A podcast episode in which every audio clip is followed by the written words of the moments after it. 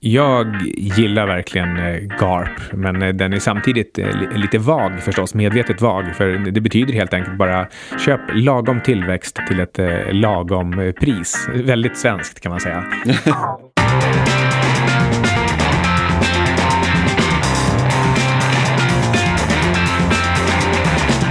Hej, du lyssnar på 25 minuter med Syding och Sundström och avsnittet redigeras som vanligt av den eminente Alexander Marton. Hej Ludvig! Tjena Micke!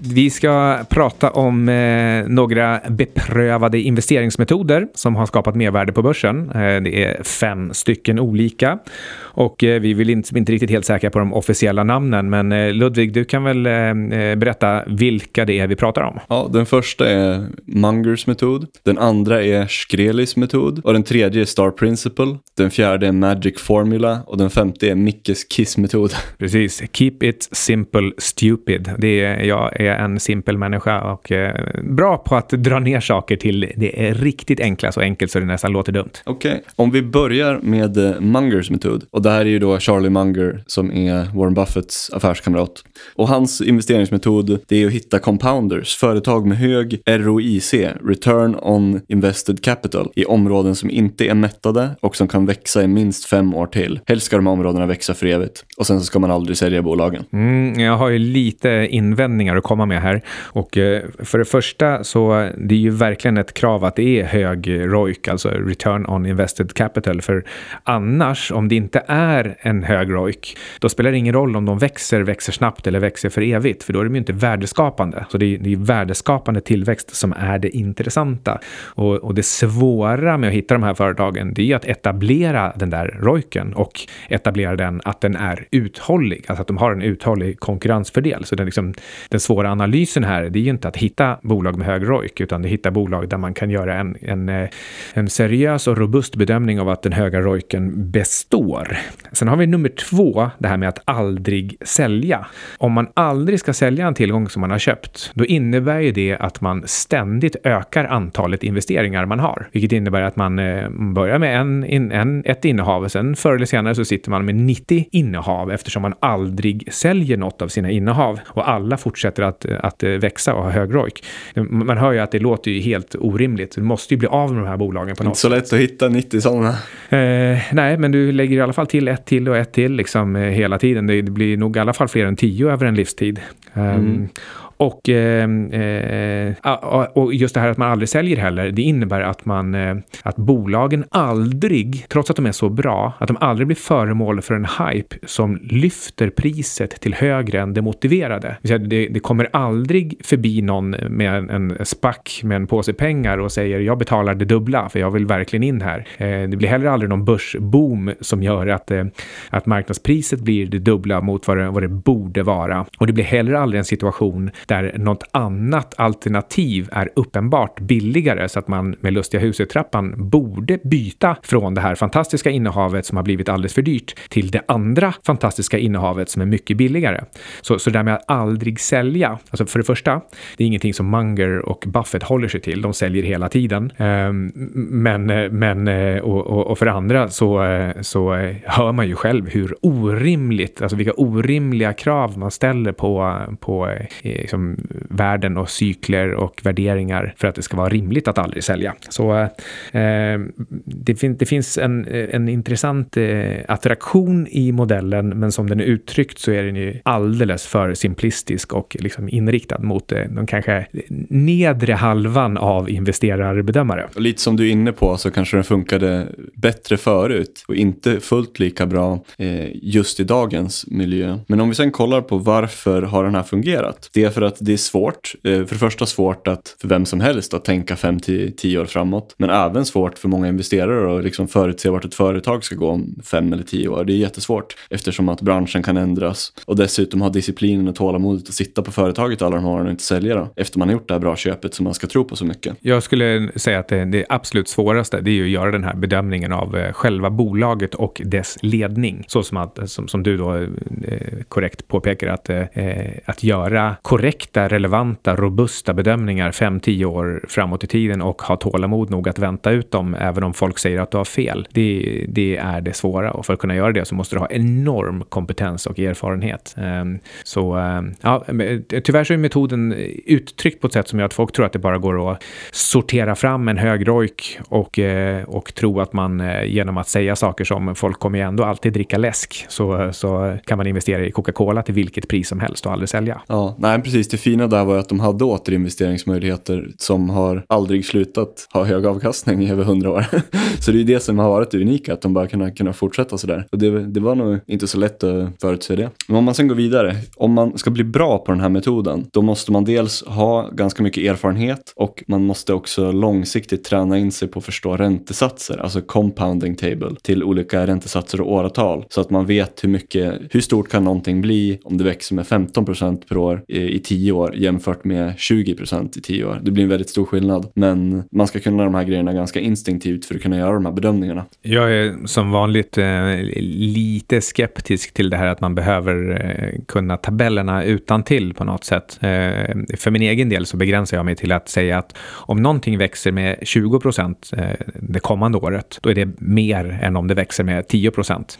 Så behöver jag inte fundera så himla mycket på hur stort det blir om fem år eller 20 år, eh, utan, utan mer eh, är den här tillväxten, är den tillräckligt hög? Är, är, är den bättre än mitt avkastningskrav eller än mitt tillväxtkrav? Yes. Så går vi vidare till metod nummer två som är eh, vad vi kallar för Shkrelis metod. Och hur går den till? Jo, det är att leta efter företag inom ett område där det endast finns tre stycken aktörer där du av någon anledning tror att det kan bli antingen ett duopol, alltså två stycken aktörer, eller ett monopol. Helst ska det bli det då. Och det skulle det kun, till exempel kunna hända genom att ett av bolagen plötsligt går i konkurs eller tappar ett patent. Sen är det två kvar. Då kan du köpa upp ett bolag och då kan det vara bättre finansierat än det, än det andra. Så vinner det och får ett monopol. Det är ett exempel.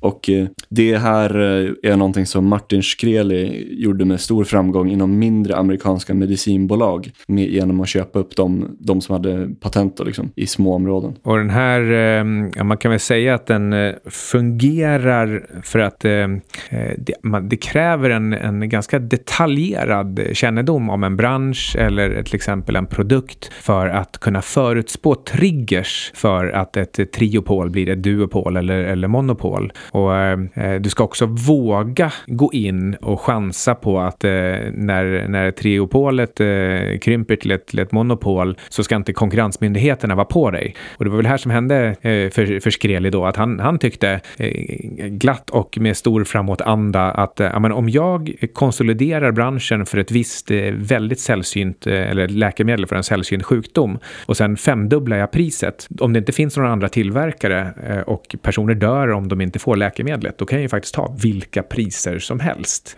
Och det var ju på ett sätt korrekt, om än omoraliskt analyserat.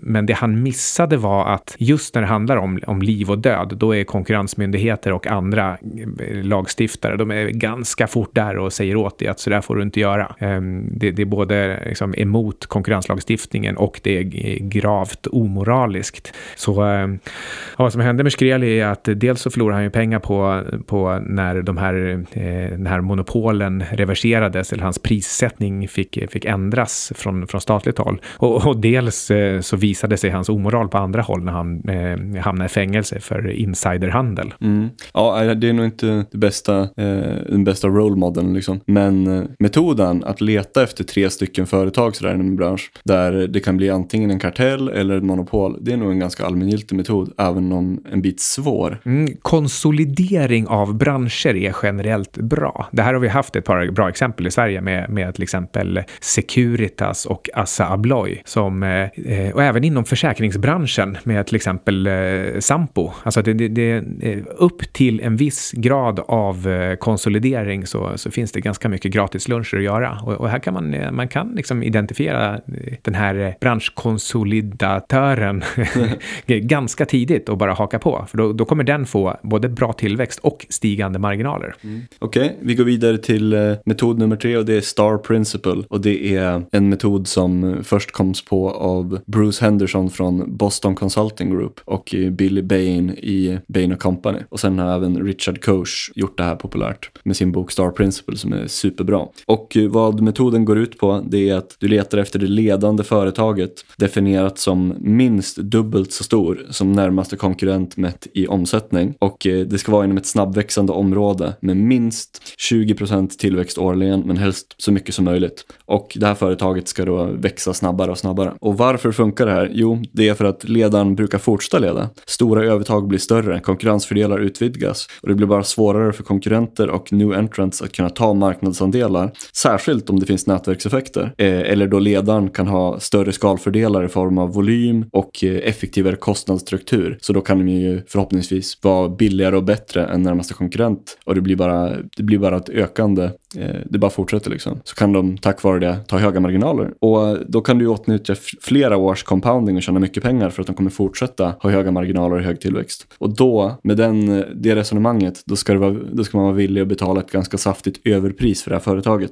Metoden är är samtidigt förledande lätt och, eh, och svår på samma gång. Eh, och det har inte minst att göra med det här att, eh, att det är motiverat att betala för mycket. Eller egentligen då inom citat, liksom så här, det är citationstecken, det är, det är motiverat att betala ett citationstecken då överpris. Men har, man, har, man, har man redan sagt att det under vissa förutsättningar är motiverat att betala ett, ett överpris, då är det lätt för, för en, en, liksom en rad av personer i liksom, eh, eh steg efter steg att så här, man, då, då kan jag betala ännu högre än vad priset är nu. För det, det kommer ju åtgärdas av att det här är en ledare som också växer snabbt. Så att de kommer ha både snabb tillväxt och stigande marginaler. Och så betalar person efter person mer och mer och mer. Och då hamnar man i en situation, till exempel skulle kunna vara så som Amazon och Google. De är båda två eh, typiska stars. De är mycket större, alltså långt mer än dubbelt så stora som tvåan. Och de växer eh, snabbt. Eh, och det finns en slags eh, nätverkseffekter kan man väl säga i, i de här också. I alla fall, i alla fall liksom skalfördelar och scopefördelar.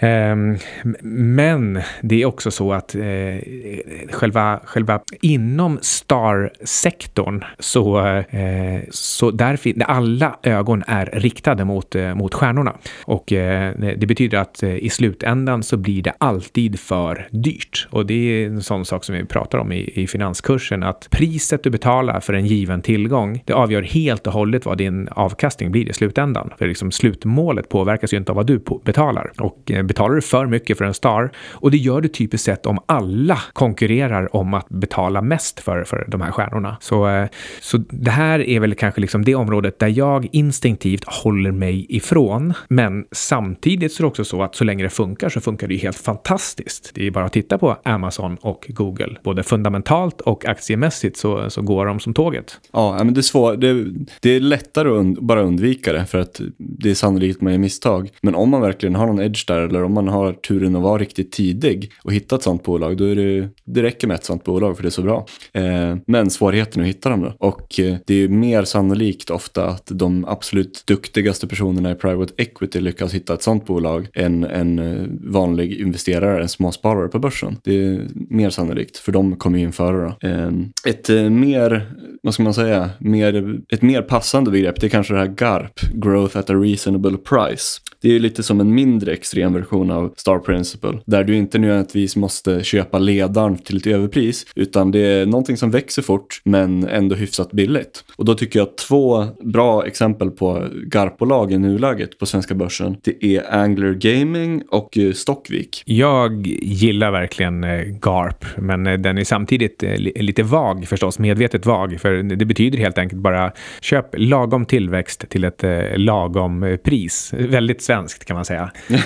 Om man vill konkretisera lite grann så kan man säga att i, bland stjärnorna så betalar man P50 för 50 procents tillväxt och bland GARP så betalar man P15 för 15 procent tillväxt. Och eh, inom liksom GARParna så, så är det lite tråkigt, vilket innebär att ibland så bör, behöver du bara betala 10-12 för de där 15 procenten eller för 14 procent tillväxt. Och, och, ibland så är de liksom så dyra som 18-20. Och då kan du hålla på återigen då med lustiga huset-trappan bland GARP-bolagen. Eh, där det är, de är lite lättare att analysera, men de är lite tråkigare och liksom, ja, de, de drar inte till sig den här eh, in, intensiva euforin som, som Starsen eh, gör. Så eh, inom, inom GARP-bolagen, det, liksom, det är där man hittar mig här ja. Ja, okej. Okay. Så går vi vidare till eh, Magic Formula som säkert många har åtminstone hört talas om. Och eh, den går ju till genom att du ska ranka bolag på earnings yield samt ROIC,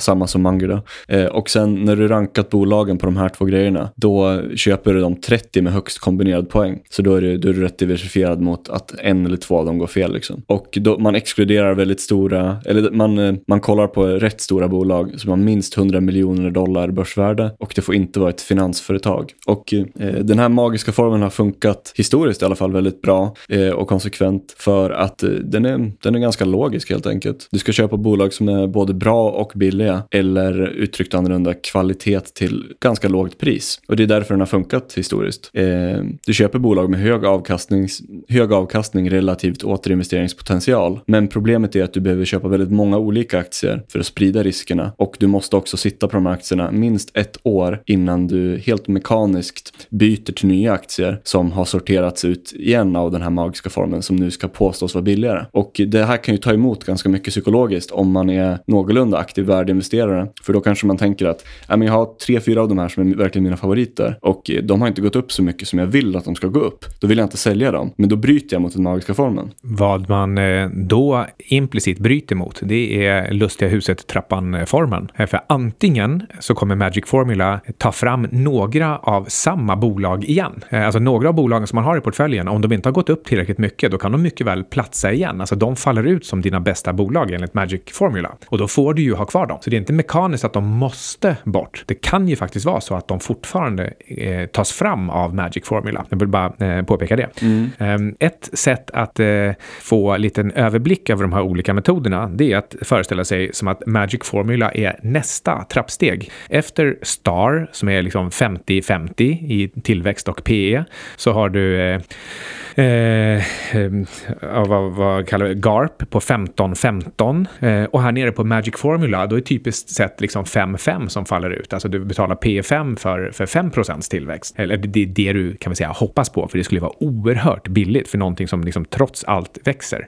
Eh, och ehm, eh, här nere så tenderar bolagen att helt enkelt, de blir så tråkiga att de glöms bort helt och hållet. Det är som att man säger att om någonting växer plus minus 5% per år, då är det så tråkigt att det överhuvudtaget inte är värt att investera i. Och då blir det så många som struntar i de här bolagen att det blir som gratis hundralappar som ligger strödda över, över liksom på gatan. Så att man orkar inte böja sig ner och plocka upp dem, för man utgår från att de är falska. Och det är ju det här som är det geniala med Magic Formula, att du kan faktiskt hitta dem och så måste du tro på att, att de här bargains, alltså de här fynden, de faktiskt eh, de är sanna. De, de är på riktigt. Det här får mig att tänka på den här historien som säger en hel del av Warren Buffett. Han, han berättade att när han var sugen på sig, då, då gick han runt och kollade liksom, cigarettstumpar på, på marken. Och han insåg att var och en av dem, de var ju liksom små och äckliga, men liksom, om du plockar ihop tillräckligt många och tejpar ihop dem, då kan du få en smoke. Så att du får din, din fix för dagen. Eh, och eh, när han gick där och liksom rökte eh, så, så kom han på att det här kan man ju göra med aktier också. Att man,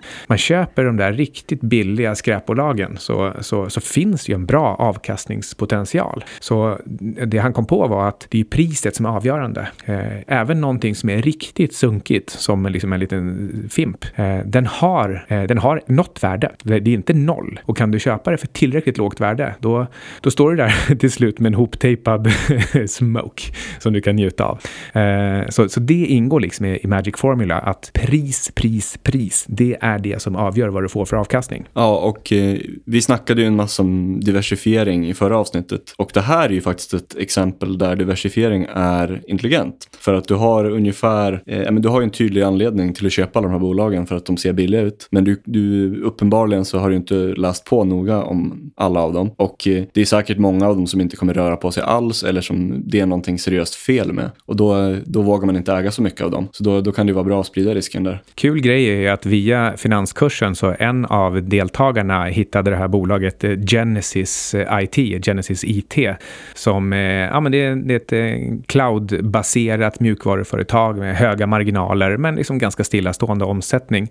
Men stor kassa och en obelånad fastighet och lite sådär och det, det ser liksom, det ser verkligen jättebilligt ut. Det, det kan nog liksom finnas 100% uppsida liksom utan problem rent värderingsmässigt. Men sen eh, som du har påpekat så, så verkar ledningen helt ointresserad av att ta fram det här värdet. Så, så det, det händer inte särskilt mycket. De pratar inte positivt om bolaget och liksom det, i och med att de själva är det så gör de liksom inga, inga större, ingenting extra för att eh, ja, men lyfta fram företaget eller boosta företaget. Så, så det här vore perfekt egentligen om något private equity-bolag bara kunde köpa upp och eh, liksom, eh, sätta lite extra fart på. Men även så som det ser ut nu så kan det ju liksom bara ägare och, och vara med om utdelningarna för, för det är helt enkelt eh, undervärderat. Eh, med det sagt så vill jag ändå bara påpeka, jag äger inga Genesis eh, IT själv och, och uppenbarligen så måste det finnas någon anledning till att jag tycker att andra saker som jag äger har, har bättre potential och jag kan dem bättre. Men, men en, en snabb överblick av deras tillgångar, eh, kassaflöde, resultat, liksom verksamhet så, så ser det ut som egentligen en given men bortglömd dubblare. Ja, men precis. Det ser ju perfekt ut på papper. En riktigt perfekt värdeinvestering. Alltså old school value eller vad man ska säga. Men det kanske dröjer flera år och då är, då är det inte så kul om man vet att man har ett par bra, hyfsat, till exempel sådana här GARP-bolag, till exempel de här Angler som jag nämnde. Eh, jag tror de, eh, jag äger hellre dem på tre års sikt än det här bolaget om det här skulle stå still. Så då, eh, ja, det är alternativkostnad. Ja, och vi båda äger ju Stockvik och Aselio Fair Disclosure och vi tycker båda att de två har större eh, potential. Eh, I det här läget är det kanske bäst att påminna om att ingenting som vi säger i det här programmet är ju någon rekommendation att köpa eller sälja finansiella instrument.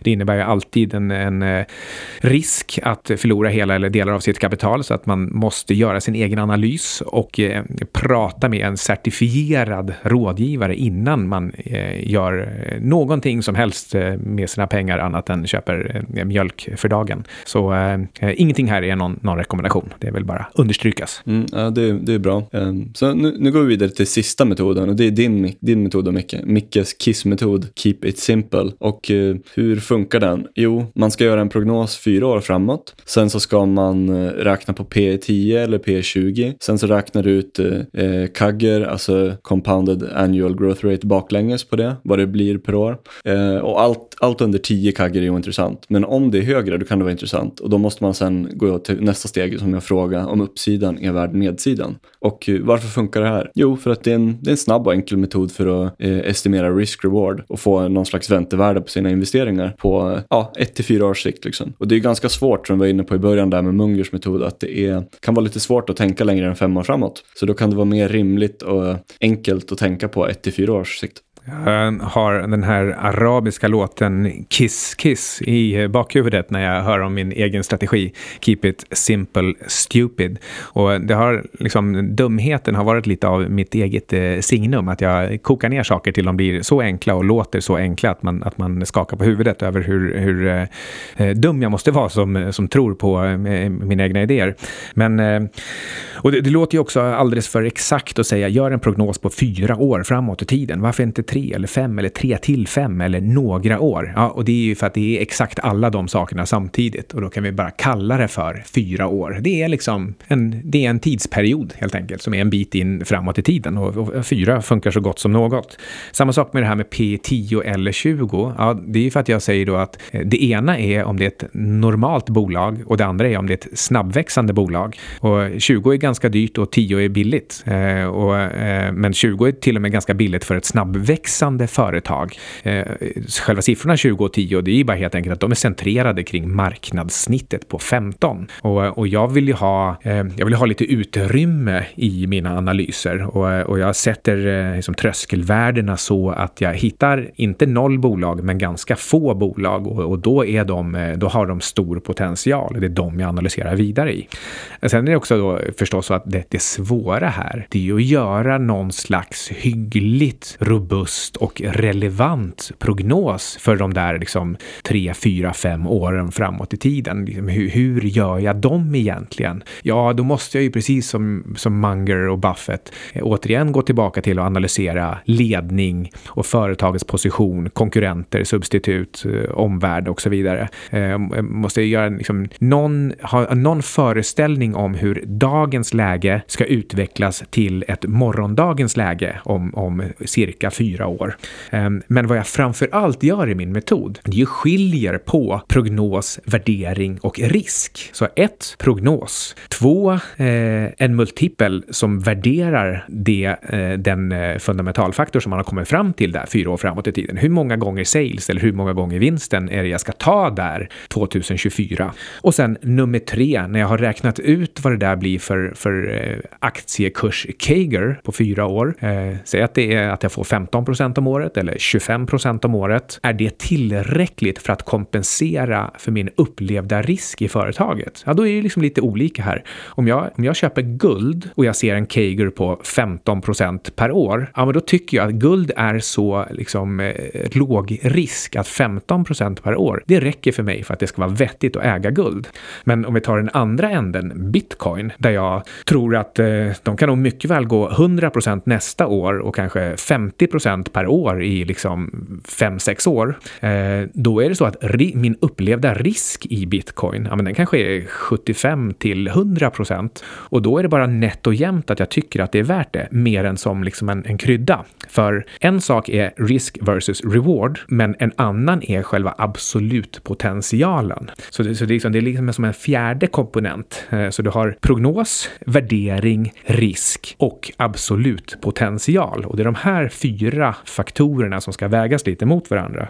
Då har jag ju till exempel i, ja, men i, i Stockvik så skulle jag säga att jag har risk 15 procent och årlig Kager 30 procent. Och då är det liksom en, en faktor 2. Ungefär samma sak har jag i Aselio, men där är risken kanske 30 procent och rewarden 60 procent per år. Då är det gånger två igen då. Ja, och Bara till högre. Ja, och i guld är det ungefär samma där jag har kanske 20 procent eh, eh, årlig avkastning och kanske 10 procent liksom risk, risk, eh, riskkrav. Återigen 2 till 1. Men, men i bitcoin över tid så, så har jag faktiskt den omvända. Att eh, även om första året så tror jag att vi kan få en rejäl uppvärdering av, av bitcoin här. Men sen tror jag att det går lite långsammare så att de har 50 procent per år. Men, men eh, min upplevda risk kanske snarare är 100 procent. Så då har jag bara en halv i liksom, reward i, i, relativt de andra. Och det betyder ju då att då har jag en väldigt, väldigt låg vikt av bitcoin i min portfölj medan jag har liksom, mer likartade vikter för de andra tre. Ehm, eh, men men sen, sen sker ju då den här sista justeringen med absolut potential. Eftersom både bitcoin och Aselio har mycket högre absolut potential än de andra så får de också eh, högre vikter än vad de annars skulle haft bara utifrån de andra kriterierna. Så det är liksom ett sätt att, att, att ta en extremt enkel kiss-kiss-metod eh, till, till någonting ändå så lite mer komplext i slutändan. Mm. Ja, det, det, var väl mer eller mindre allt vi hade att säga i det här avsnittet. Bara om man summerar lite kort så var de fem metoderna nummer ett, Mungers metod, nummer två, Shkrelius metod, nummer tre, Star Principle, nummer fyra, Magic Formula och nummer fem, Mickes Keep It Simple Stupid metod. Och eh, jag skulle säga att de fyra första är lite specifika. Ah, det är ju jättebra att ha så många modeller man kan liksom som flera olika verktyg. Eh, men jag skulle säga att Mickes metod är, det är nog den som är mest allmängiltig för den går att applicera på fler aktier. Det, det, det har inte så mycket att göra med om det är någon särskild, eh, vad ska man säga, om, om företaget har några särskilda egenskaper. Och för att man verkligen ska kunna använda min metod så, så skulle jag nog ändå säga att det, det är bra om man behärskar de sakerna som jag går igenom i eh, finanskursen. Så eh, om du är intresserad av att faktiskt göra riktiga analyser av eh, företag så kolla in finanskursen.se så, så håller vi på med eh, preliminär eh, intagning till eh, finanskursen årgång 3. Ja, det blir februari cirka 2021. Bra, då har du lyssnat på 25 minuter med Syding och Sundström. Tack för oss. Tack och hej.